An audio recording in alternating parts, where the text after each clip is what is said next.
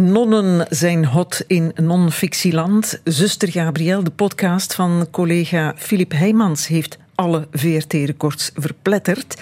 En ik kan geen boekhandel binnenlopen of ik stoot op Sœur Mourier, boek dat ook over een non gaat, zuster Godfrida.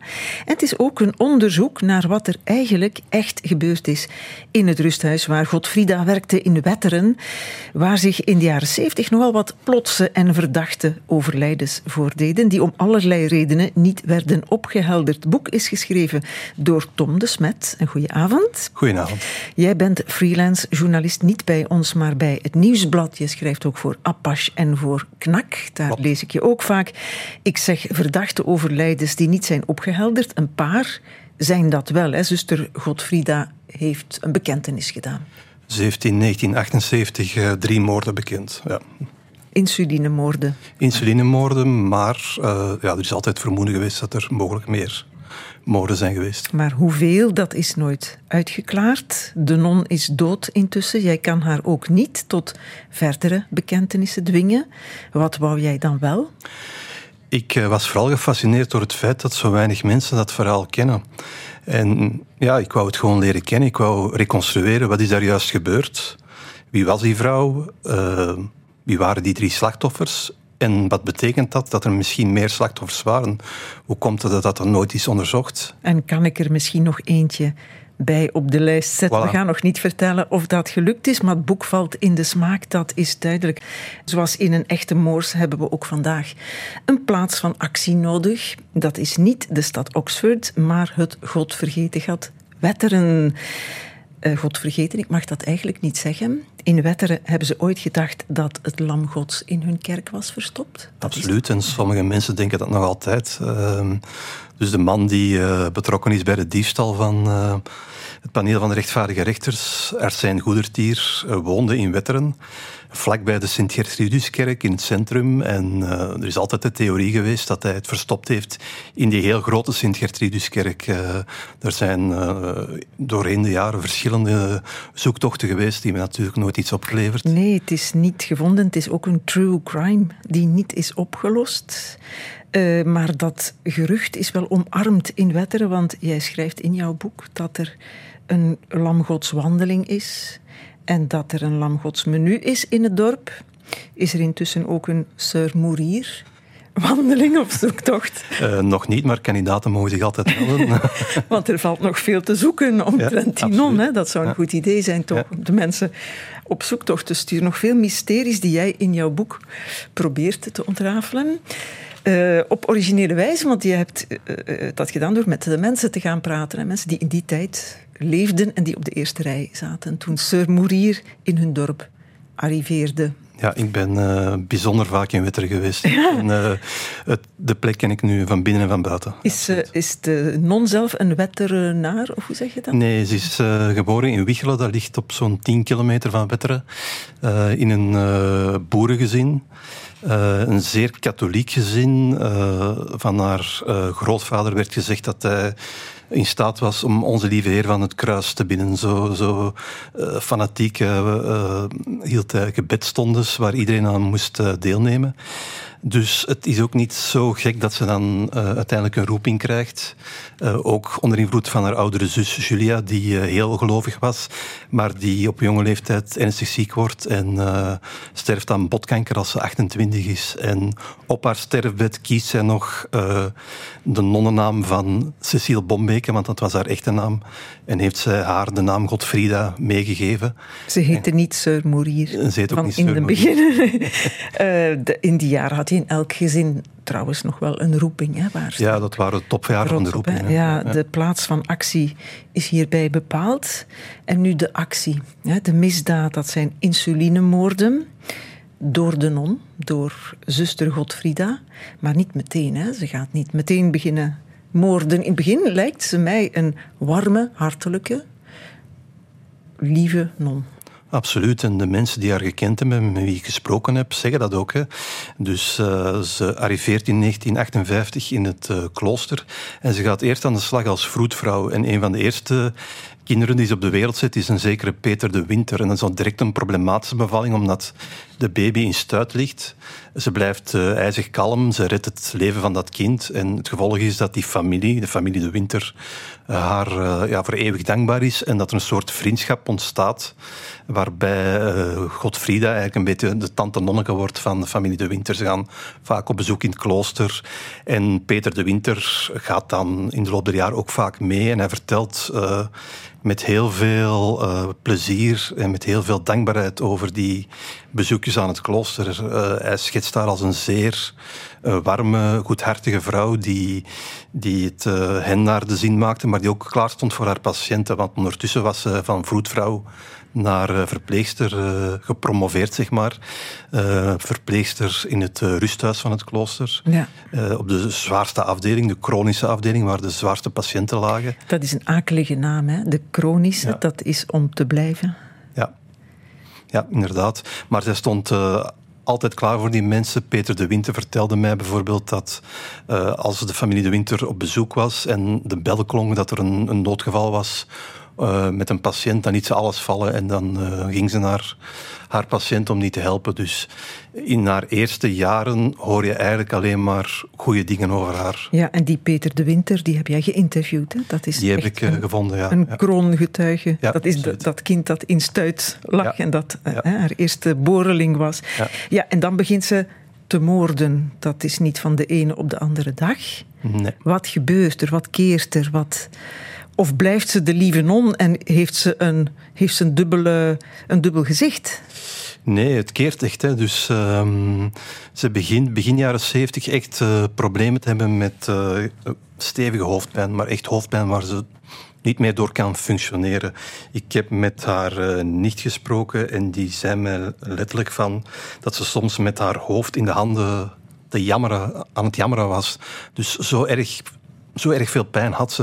Het was eigenlijk gewoon niet meer te doen. Ze kon niet meer functioneren, maar ze was een zeer goedkope werkkracht. Uh, in die zin dat ze ongeveer uh, 40.000 frank uh, verdiende. Maar al dat geld ging naar het klooster, dus dat leverde het klooster geld op. Zij verdiende er zelf niks aan. Dus het klooster wou dat zij bleef werken, ondanks het feit dat ze zelf verschillende keren aangaf: ik kan niet meer verder. En dan heeft ze haar toevlucht genomen tot uh, medicijnen, pijnstillers die steeds zwaarder werden. Die, op een gegeven moment werden dat morfine-derivaten. Uh, dat is echt het, het strafste spul dat er is. Ja. Het heeft te maken ook met de opio opioïdecrisis in Amerika tegenwoordig. Dat is eigenlijk hetzelfde product. Dus dat is, uh, ja, dat is eigenlijk onverantwoord om daar veel van te nemen. En dat deed ze wel. Ze nam daar eigenlijk elke dag een dosis van. Terwijl maar ze moest iets doen natuurlijk, want ze had hoofdpijn. Ja. Weer spreekt die Peter de Winter vol lof over haar. Hè? Godfrieda klaagde nooit, zegt hij. Het is heel simpel. Die moesten werken, geld opbrengen voor het klooster. Hij kan er geen kwaad over vertellen. En jij, eens journalist, altijd journalist, ook als hij boeken schrijft, jij maakt van de gelegenheid gebruik om de onderbezetting in onze rusthuizen aan te klagen. Ja, dat is iets wat mij wel opgevallen is. Uh, er is uh, tijdens de coronacrisis bijvoorbeeld uh, duidelijk aan het licht gekomen dat uh, de, onze rusthuizen, onze woonzorgcentra, verschrikkelijk onder bemand zijn. Amnesty International heeft zelfs een rapport geschreven waarin er sprake was van schending van de mensenrechten in onze woonzorgcentra hier in Vlaanderen. Ja, maar dan... Amnesty International, dat is toch niet het eerste het beste? Nee, maar dan stel je de vraag, was het vroeger beter? Vraagteken, nee. Blijkbaar niet. Als je dan de verhalen hoort over hoe het eraan toe ging in de tijd van zuster Godfrieda op die chronische afdeling. Ja, dat was ook onderbemanning. Dat was ook uh, rennen, sprinten om, om iedereen te helpen. Uh, te weinig personeel, te weinig middelen. Uh, zij kloog daar zelf ook over tegenover het bestuur van het rusthuis. Maar ze kreeg daar nul op het rekest. Dus eigenlijk kan je zeggen dat er in al die jaren in onze rusthuizen spijtig genoeg weinig veranderd is. Er is nog altijd geen aanleiding om te moorden, terwijl we daar wel moeten komen. Ze, ze heeft hoofdpijn, ze heeft systematische hoofdpijn, terugkeerde hoofdpijn heel erg. Ze neemt medicatie die alsmaar verzwaart omdat die niet helpt. En dan schrijf je ergens in mooi Nederlands, zeg je er zelf bij, een accident waiting to happen. Welk accident of welke accidenten moeten er dan gebeuren? Wel, zij, neemt steeds meer pillen, ze begint te drinken, eh, dus zij wordt een soort zombie.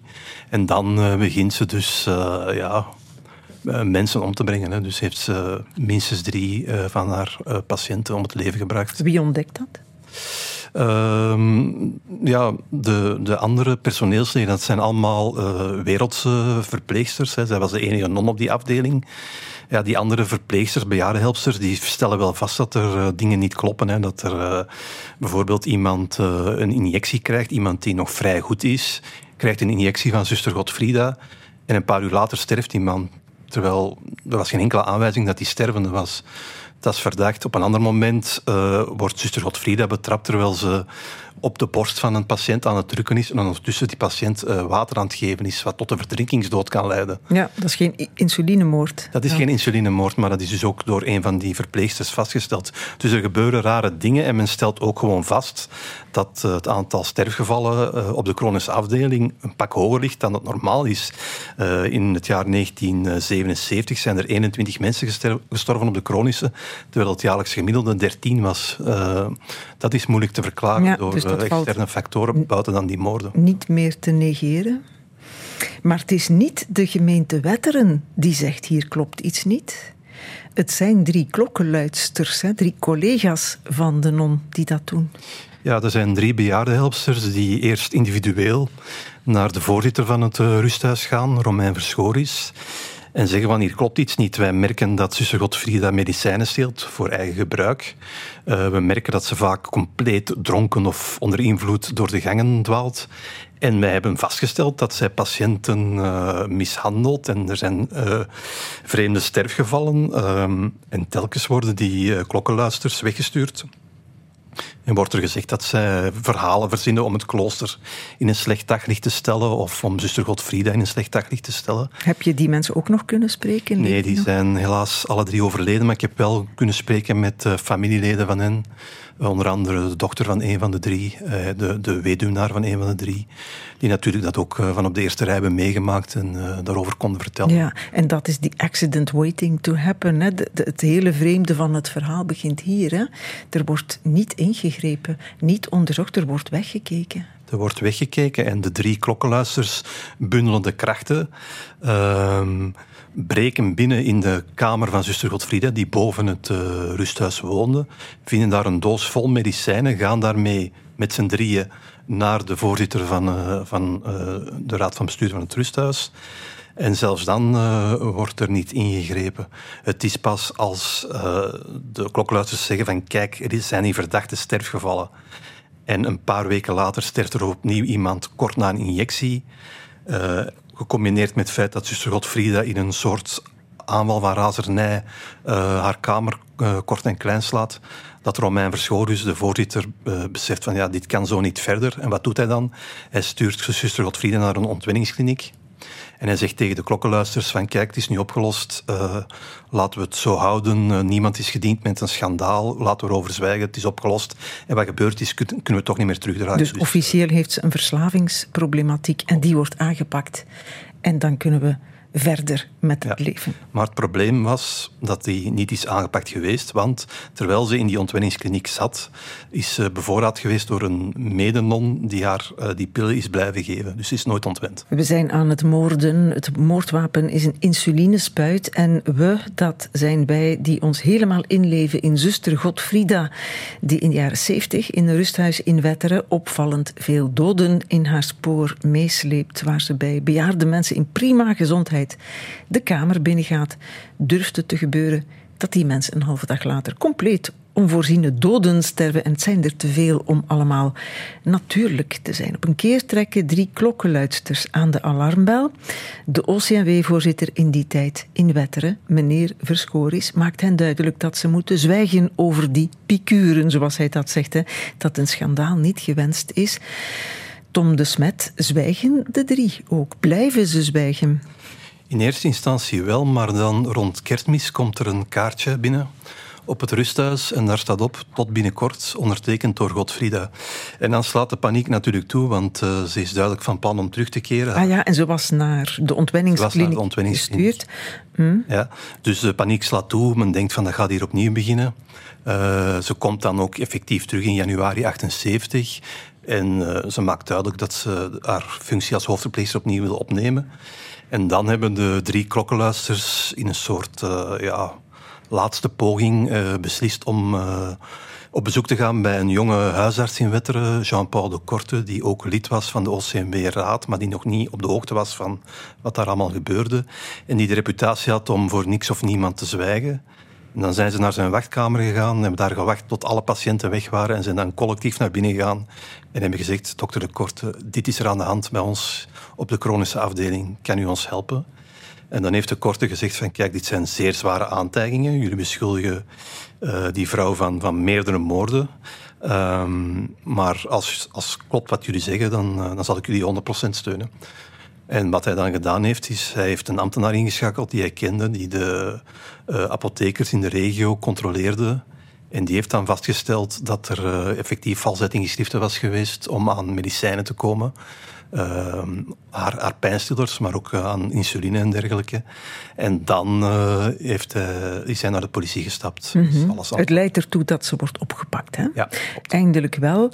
Is dat meteen op verdenking van moord? Nee, eerst op verdenking van valsheid in geschriften. Maar uiteraard heeft de Korte ook verteld aan de politie wat de klokkenluiders aan hem verteld hebben. Namelijk dat er doden gevallen zijn. En de onderzoeksrechter Leo Tas bij een van de eerste verhoren confronteert haar daar ook mee. En tot zijn verbazing bekent zij meteen, ja, ik heb inderdaad uh, drie bejaarden gedood en zij noemt de drie namen. En ze zegt ook dat ze het met insuline gedaan heeft. Maar ja, hier zitten we dan met drie bekentenissen. En jij denkt dat het er veel meer zijn. Op basis van wie of van wat? Uh, op basis van de getuigenissen van de klokkenluisters, die ervan uitgingen dat het een, dat het een twintigtal uh, moorden zou gaan. Maar ook op basis van een document dat ik heb teruggevonden van de onderzoeksrechter van uh, Leo Tas, heette die man.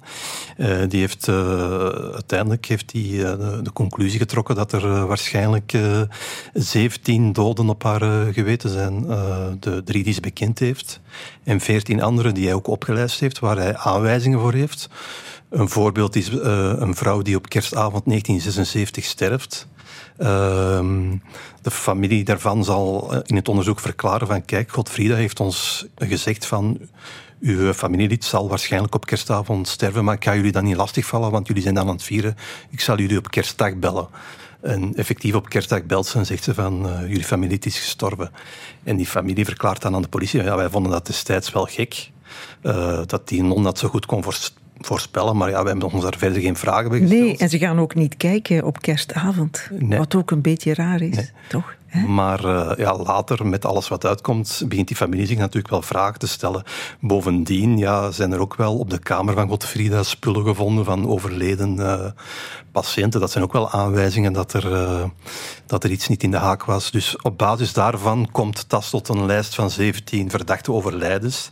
Het enige probleem is, hij kan het niet bewijzen. Waarom nee, niet? Ja, ja. Het gaat soms om mensen die al drie, vier jaar daarvoor gestorven waren. En als je die opgraaft, vind je dan nog insuline? Wel, er zijn opgravingen geweest. Hè. Dus de drie die ze bekend heeft, zijn opgegraven. Ongeveer twee weken nadat ze de bekentenis heeft afgeleverd. En dan een paar weken later zijn er nog eens een aantal mensen opgegraven. Maar dat heeft eigenlijk niks opgeleverd. Insuline breekt heel snel af in het lichaam, dus dat, dat had geen zin. En er zijn ook wel, wel andere medicijnen nog teruggevonden in die lichamen, maar die konden niet gelinkt worden aan het overlijden. Is er een motief? Want als je, hè, als je zegt ze vermoordt mensen, waarom zou ze het doen? Misschien had ze wel goede motiveringen om hen uit hun lijden te verlossen of zoiets. Wel, Speel ik nu maar advocaat van de ja, duivel? Dat heeft ze nooit gezegd. Uh, een motief is zeker ook wel uh, geld geweest. Er, er, er, is geld verdwenen. Hoeveel, dat weet men niet. In die tijd uh, hielden mensen vaak nog cash bij in hun nachtkastje of kasbons. We weten dat er kasbons zijn verdwenen. Ze had een luxueuze levensstijl ontwikkeld die ze daarmee gefinancierd heeft. Dus dat zal zeker een motief geweest zijn. En moet je daarvoor moorden?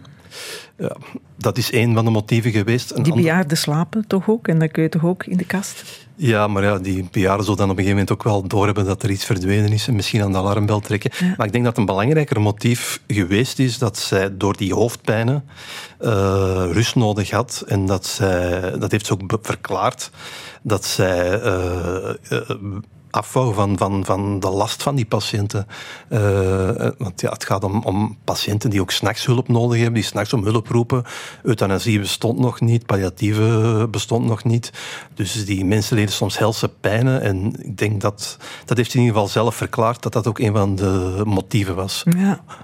Het is nu tijd om de pers op te voeren, hè, Tom? Ja. Een moordende non, dat zullen ze in de jaren zeventig ook wel interessant gevonden hebben.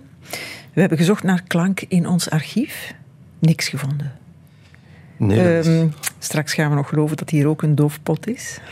Ja. maar nee, het wil misschien ook maar gewoon zeggen dat er niks bewaard is. Maar je hebt ook geregeld, te vergeefs, in kranten uit die tijd, uh, naar de zaak gezocht. Heel weinig gevonden. Hoe kan dat? Want de pers smult doorgaans van dit soort verhalen. Ja, een serie moordende non, als dat vandaag zou gebeuren, de kranten zouden weken aan een stuk er bladzijden en bladzijden aan, aan wijden. Um, maar in die tijd, we spreken dus over 1978, was Vlaanderen nog heel sterk verzuild. Uh, de dominante zuil was de katholieke zuil. De kranten uh, stonden nog onder invloed van de zuilen. De meeste kranten waren katholiek. Denk aan de standaard dat nog alles voor Vlaanderen, Vlaanderen voor Christus op zijn voorpagina had staan. Ik heb de cijfers opgevraagd. Uh, er werden toen dagelijks 1,2 miljoen kranten uh, gelezen in Vlaanderen. 800.000 ervan waren, uh, behoorden tot de katholieke zuil. En daar is toch al vrij snel duidelijk. Ze hebben er in het begin wel over bericht, vrij karig, maar ze hebben erover bericht. Maar na een paar dagen stopt dat en, en, wordt er zelfs geïnsinueerd van ja, het is nu echt wel genoeg geweest. Het, het schandaal mag gaan liggen. Dus dan zou ze geluk hebben dat ze non is. Ja. Want, want uh, uh, geen klank van Sir Mourier gevonden in het archief. Wel iets anders. Dan moet je even meeluisteren. We er wisten van niet. Hè. was een verhaal. Ja, kijk de krant lazen vanmorgen. Want ik van het lam geslagen. Hoe je dan van niets weet. Hoe bent u eraan toe? Ja, even scoten. Wie zou er daar, wie zou er daar. Kom ik buiten vannacht, rond de nacht. En ze zijn, zijn drie moorden. Ik zei drie moorden. Het had perfect uit Wetteren kunnen komen. Er is er zelfs één van het Lam Gods geslagen. Ja, maar het is Oost-Rozebeke, 2022, 40 jaar later, exact hetzelfde. Drie moorden, hè, wordt er ook gezegd. Met insuline, dat Klopt. gaat daar ook over. In een rusthuis. Uh, ja, uh, vier anderen hebben ook een spuit gekregen, maar hebben dat overleefd. Is er daar een verdachte, een beschuldigde, een bekentenis? Nee, er is uh, geen dader gevonden. Maar er zijn er nog andere ook, hè? Doktorke Dussard, ja. 2005. Ja. Ivo Poppe, de diaken des doods, 2018. En er is nog één die veel pers heeft gehaald, deze. Volgens de experts is de verpleger een medische seriemoordenaar. Het is waar dat het hem in wezen niet uitmaakt wie het is. Hij opent een kamerdeur en het slachtoffer dat daar ligt, wordt gedood door een insulinespuit. Dus hij heeft geen persoonlijke relatie met het slachtoffer. Wat typisch is voor de seriemoordenaar trouwens. De verpleger zegt dat hij geen kille doder is. Volgende week vrijdag zal de jury oordelen. Het is een plaag, zou je zeggen. Dit is 2010. Uh, toen ging het dagen aan een stuk over de seriemoordenaar Kurt Dobbelaren. Een verpleger die willekeurige slachtoffers doodspoot in een rusthuis met insuline. En het is gek, die andere zaken hebben wel ruim de pers gehad, hè, wel aandacht gekregen. Alleen Sir Mourier, daar heeft men op alle fronten geprobeerd om te zwijgen. Het OCMW wil het niet geweten hebben. De pers zegt ook maar weinig. Dat heeft allemaal met de macht van de katholieke kerk te maken, denk je? Ja, absoluut. En uh, meer zelfs, ook het gerecht uh, staat natuurlijk onder invloed van die katholieke zuil. En meer specifiek in uh, die regio, de regio Dendermonde, had je een procureur des konings, Guido de Sager, en zijn eerste substituut, Anton Kordemans, die allebei door de katholieke zuil benoemd waren, die zeer katholiek waren en ook bevriend waren met priesters en, en dergelijke meer.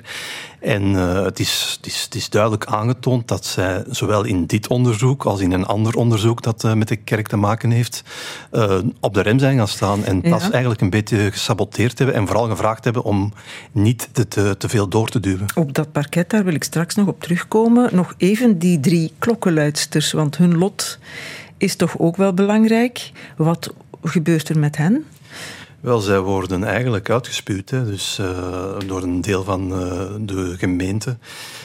Omdat zij ja, de, de, naam van de gemeente en van het klooster bezoedeld hebben. Is uitgespuwd, is dat bedreigd? Ja, zelfs bedreigd. dus banden die platgestoken werden, ja, ook, ook, ook met fysiek geweld bedreigd. ze zijn ook uit elkaar gehaald, dus ze werkten in dat rusthuis, maar ze zijn dan aan andere posten verplaatst, waar ze dan minder goed werk mochten doen en, en minder betaald werden. Want dus- intussen strijkt de wereldpers wel neer in het kleine Wetteren. Haar foto staat in Paris Match. In Time Magazine, de Britse pers, de Zweedse pers, de Fransen, de Italianen komen allemaal kijken. De sensatiepers vindt het ook interessant, schrijf jij, maar de serieuze pers niet. Ja, dat is het grote contrast. Hè. Dus terwijl er in Vlaanderen eigenlijk amper over geschreven wordt, is zuster Godfrieda wereldnieuws. Tot in Cameroen, tot in Guatemala. Uh, Japanse tv-ploegen strijken neer in Wetteren. Uh, ze, ze haalt Parimatch inderdaad, ze haalt News of the World. Uh, ze is echt wereldnieuws voor een korte tijd. Maar in Vlaanderen hoort niemand over haar. Dat is wat mij zo verbaast en wat, wat mij frappeert. Dat, dat, dat, dat contrast tussen die enorme aandacht in de wereldpers vergeleken met het stilzwijgen hier in Vlaanderen. Ja, en het volk in Wetter, want jij schrijft. Uh, ding waaruit ik afleid dat ze dat toch wel een sappig verhaal vinden. In de cafés in Wetteren is dit het meest aangevraagde nummer op de jukebox. The scream of the ambulance is sounding in my ear.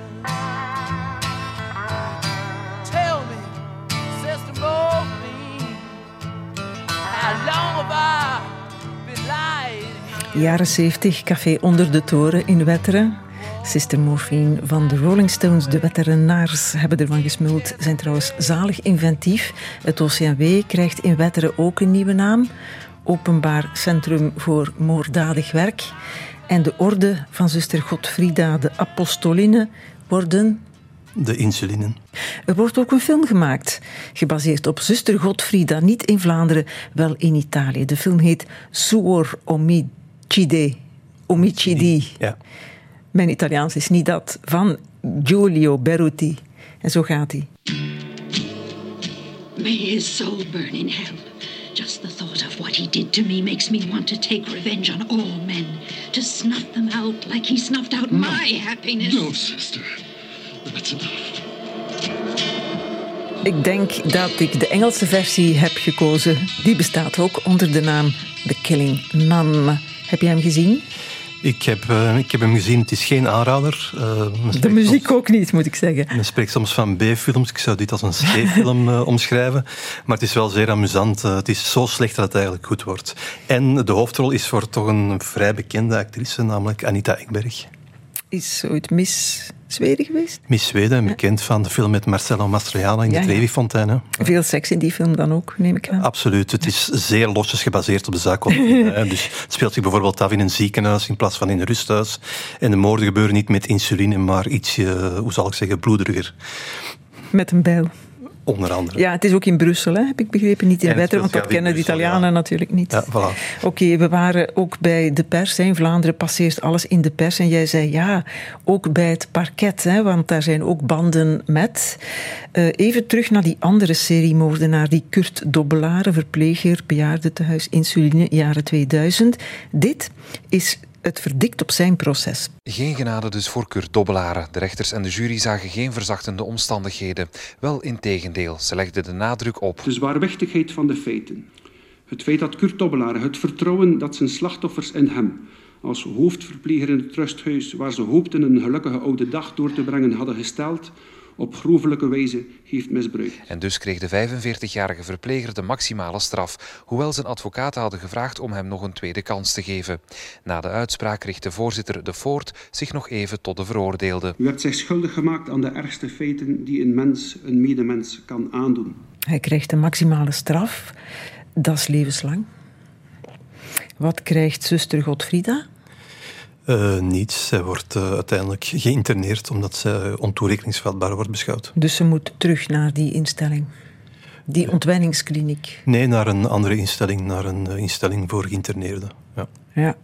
ook onder druk van de kerk dan? Dat ze wel, ja, dat is natuurlijk moeilijk te bewijzen, maar uh, je kan wel vaststellen dat uh, het onderzoek niet grondig gevoerd is. Hè. Um, om je een idee te geven, de dokter die haar te veel van dat uh, zeer verslavend eh, spul, die morfinederivaten uh, voorschreef, die slechts één keer ondervraagd verschoor is, die zich toch verschillende keren gedrukt heeft en, en, en, niet gedaan heeft wat hij moest doen, is ongemoeid gelaten.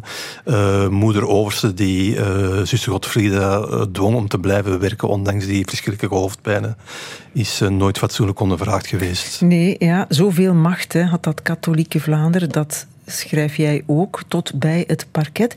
Het is ook wat Filip Heijmans, uh, onze gerechtsjournalist, uh, zei toen hij hier kwam vertellen over die andere zaak in Dendermonde, de verdwijning van zuster Gabriel. Het vermoeden dat ze vermoord is, het parket dat alles doet om dat niet te onderzoeken, deed moet ik zeggen, in de jaren begin tachtig was dat, om daar niet achteraan te gaan, uh, werd de vermoedelijke moordenaar een priester in bescherming genomen, is daar ook de grote vraag. En Philippe vertelde dat toen zo. Het zou gekund hebben. Het parket van Dendermonde had in die tijd de naam van heel katholiek te zijn. Uh, ja, het was ook de tijd nog van de politieke benoemingen bij het gerecht. Dat is intussen ook veranderd, ook door de zaak Dutroux. Uh, maar in die tijd, als je benoemd wilde worden bij het parket, bij de rechtbank, moest je wel een partijkaart hebben. En Dendermonde was een katholiek bolwerk. Dus ja, de meerderheid van de mensen daar, en zeker de leidinggevenden, kwamen uit de katholieke hoek.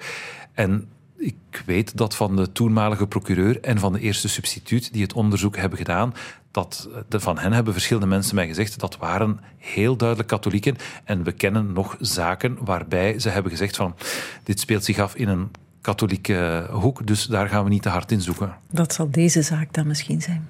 Dat is de zaak Godfriede, hè, want het gaat om dezelfde procureur des Konings en dezelfde eerste substituut. Dus in beide onderzoeken waren zij betrokken en hebben zij het onderzoek geleid. Dus uh, ja, dat, die parallel is er uh, onmiskenbaar. -hmm. uh, dat is één. Hè. Ik sta ook wel te kijken van het feit dat um, de dingen ook door de mensen worden doodgezwegen. Zoals je zei, die klokkenluiders worden scheef bekeken de banden worden platgestoken. Een dochtertje van een van die klokkenluiders wordt bedreigd dat haar iets overkomt. Als haar moeder de mond niet houdt, dan heeft dat dorp toch ook boter op het hoofd? Voor een deel. Hè. Je had eigenlijk twee kampen. Je had eh, de, de goede gemeente, zal ik maar zeggen, die uh, het schandaal bedekt wou houden, die, die bezorgd was om de goede naam van Wetteren en van het klooster. Maar je had daarnaast ook wel mensen die het wel fijn vonden dat uh, de notabelen van het dorp toch een beetje in de problemen werden gebracht. Vandaar dus bijvoorbeeld Sister Morphine op de jukebox in het café. Ja, maar wanneer ze die drie klokkenluiders opnieuw te raden gaan bij die huisarts De Korte, en dan geven ze met z'n vier op een bepaald moment een persconferentie. Je hebt daar een foto van uh, in jouw boek gepubliceerd. Dan wordt de korte, die huisarts, daarna op het matje geroepen door de Orde van Geneesheren. Omdat hij zonder toestemming van de orde een interview heeft gegeven. Dan kun je eigenlijk zeggen, de orde is ook mee verantwoordelijk. Ja, absoluut. En de Korten heeft uh, tegen mij gezegd, eigenlijk de enige die echt gestraft is in die zaak ben ik, door de orde der geneesheren. Dus uh, ja, dat klopt, ja, absoluut. Mm. En het dossier van Godfrieda is niet bewaard? Niet bij het parket in Dendermonde? Niet in het Rijksarchief. Je bent gaan zoeken. Wel, het is uh, bewaard, maar uh, in eerste instantie zei men tegen mij dat het uh, verdwenen was. dat er geen enkel spoor meer van was. Dat heeft ook het Rijksarchief tegen mij gezegd. ik ben dan gelukkig ook op aanraden van een aantal advocaten die ik ken blijven zoeken. Uiteindelijk heb ik wel een aantal documenten kunnen terugvinden in het Rijksarchief, waar men dus eerder gezegd had dat men het niet meer had. Um, maar dus ja, ik heb wel iets teruggevonden, maar het volledige dossier is er niet meer. Nee. We hebben het vandaag over, heel vaak, alle dagen over klassenjustitie. Dat was toen niet anders. An andere klassen, ja. weliswaar. Ja, kan je zeggen, absoluut. Uh, en het gaat niet alleen om zuster Godfrieda. Hè. Uh, de, de, verantwoordelijkheid van, van de dokters, van moeder Overste, dat is nooit fatsoenlijk onderzocht geweest. Die mensen zijn nooit de verantwoording geroepen. Dus uh, ja, daar kan je spreken van klassejustitie. Als zuster Godfrieda geen non was geweest, was ze waarschijnlijk misschien ook ontoerekeningsvatbaar verklaard, dat weten we niet. Maar dat was in ieder geval een grondig onderzoek geweest. Ja. En hadden uh, andere verantwoordelijken ook wel uh, verklaringen moeten afleggen wat, wat, hier niet gebeurd is. Dan kun je zeggen, Godfrieda is dader, maar ook slachtoffer. Of ik moet het misschien anders zeggen. Uh, het is niet alleen zij die schuldig is, maar er zijn veel schuldigen. Hè? Zoals die geneesheer die haar uh, arbeidsongeschikt verklaarde, maar ook de moeder overste die alle signalen negeert. Haar hart bleef toen werken. Die uh, kamergenote die haar medicijnen geeft. Ja. Politie, parket dat op de hoogte is gebracht. De procureur die het onderzoek afremt. De chirurg die haar wijsmaakt dat ze ziek is. Enfin, dat soort dingen. Dat zijn allemaal mensen die mee verantwoordelijk zijn voor deze zaak. Ja, absoluut. En, en die chirurg, het is goed dat je dat aanhaalt, want dat is eigenlijk het meest straffen aan heel de zaak. En dat was tot dusver nog niet bekend. Maar dus, uh, zij, zij heeft ook wel medische hulp gezocht voor haar problemen. En ze komt uiteindelijk na een lange lijdensweg en na, door, door iedereen doorgestuurd te zijn bij een uh, neurochirurg terecht in Gent. En uh, die onderzoekt daar en die zegt tegen haar, je hebt een hersentumor. En die opereert daar en die zegt achteraf, ik heb een hersentumor verwijderd. Uh, wat blijkt nu uit uh, mijn onderzoek en op basis van documenten die ik heb teruggevonden, dat dat gelogen was. Die man dacht dat er een hersentumor was, heeft een zeer invasieve operatie gedaan, heeft dan vastgesteld dat er geen hersentumor was, heeft half haar schedel verminkt, is de rest van haar leven met een verminkte schedel uh, heeft ze moeten leven. En die heeft daar dan gewoon wijsgemaakt van ja, je had een hersentumor en ik heb die verwijderd. Dat is een grove medische fout met enorme gevolgen. Waarom? Omdat ze daardoor ook nooit uh, de juiste behandeling heeft gehad. Ja, en dat is ook een mede-verantwoordelijke ja. dan. Hè. En zo heb je in, een, in jouw boek een hele lijst van mensen die mee dit in de hand hebben gewerkt. Sir Mourier van Tom de Smet Weldra in vierde druk. Niet waar. Uitgegeven bij Borgerhof en Lambrichs.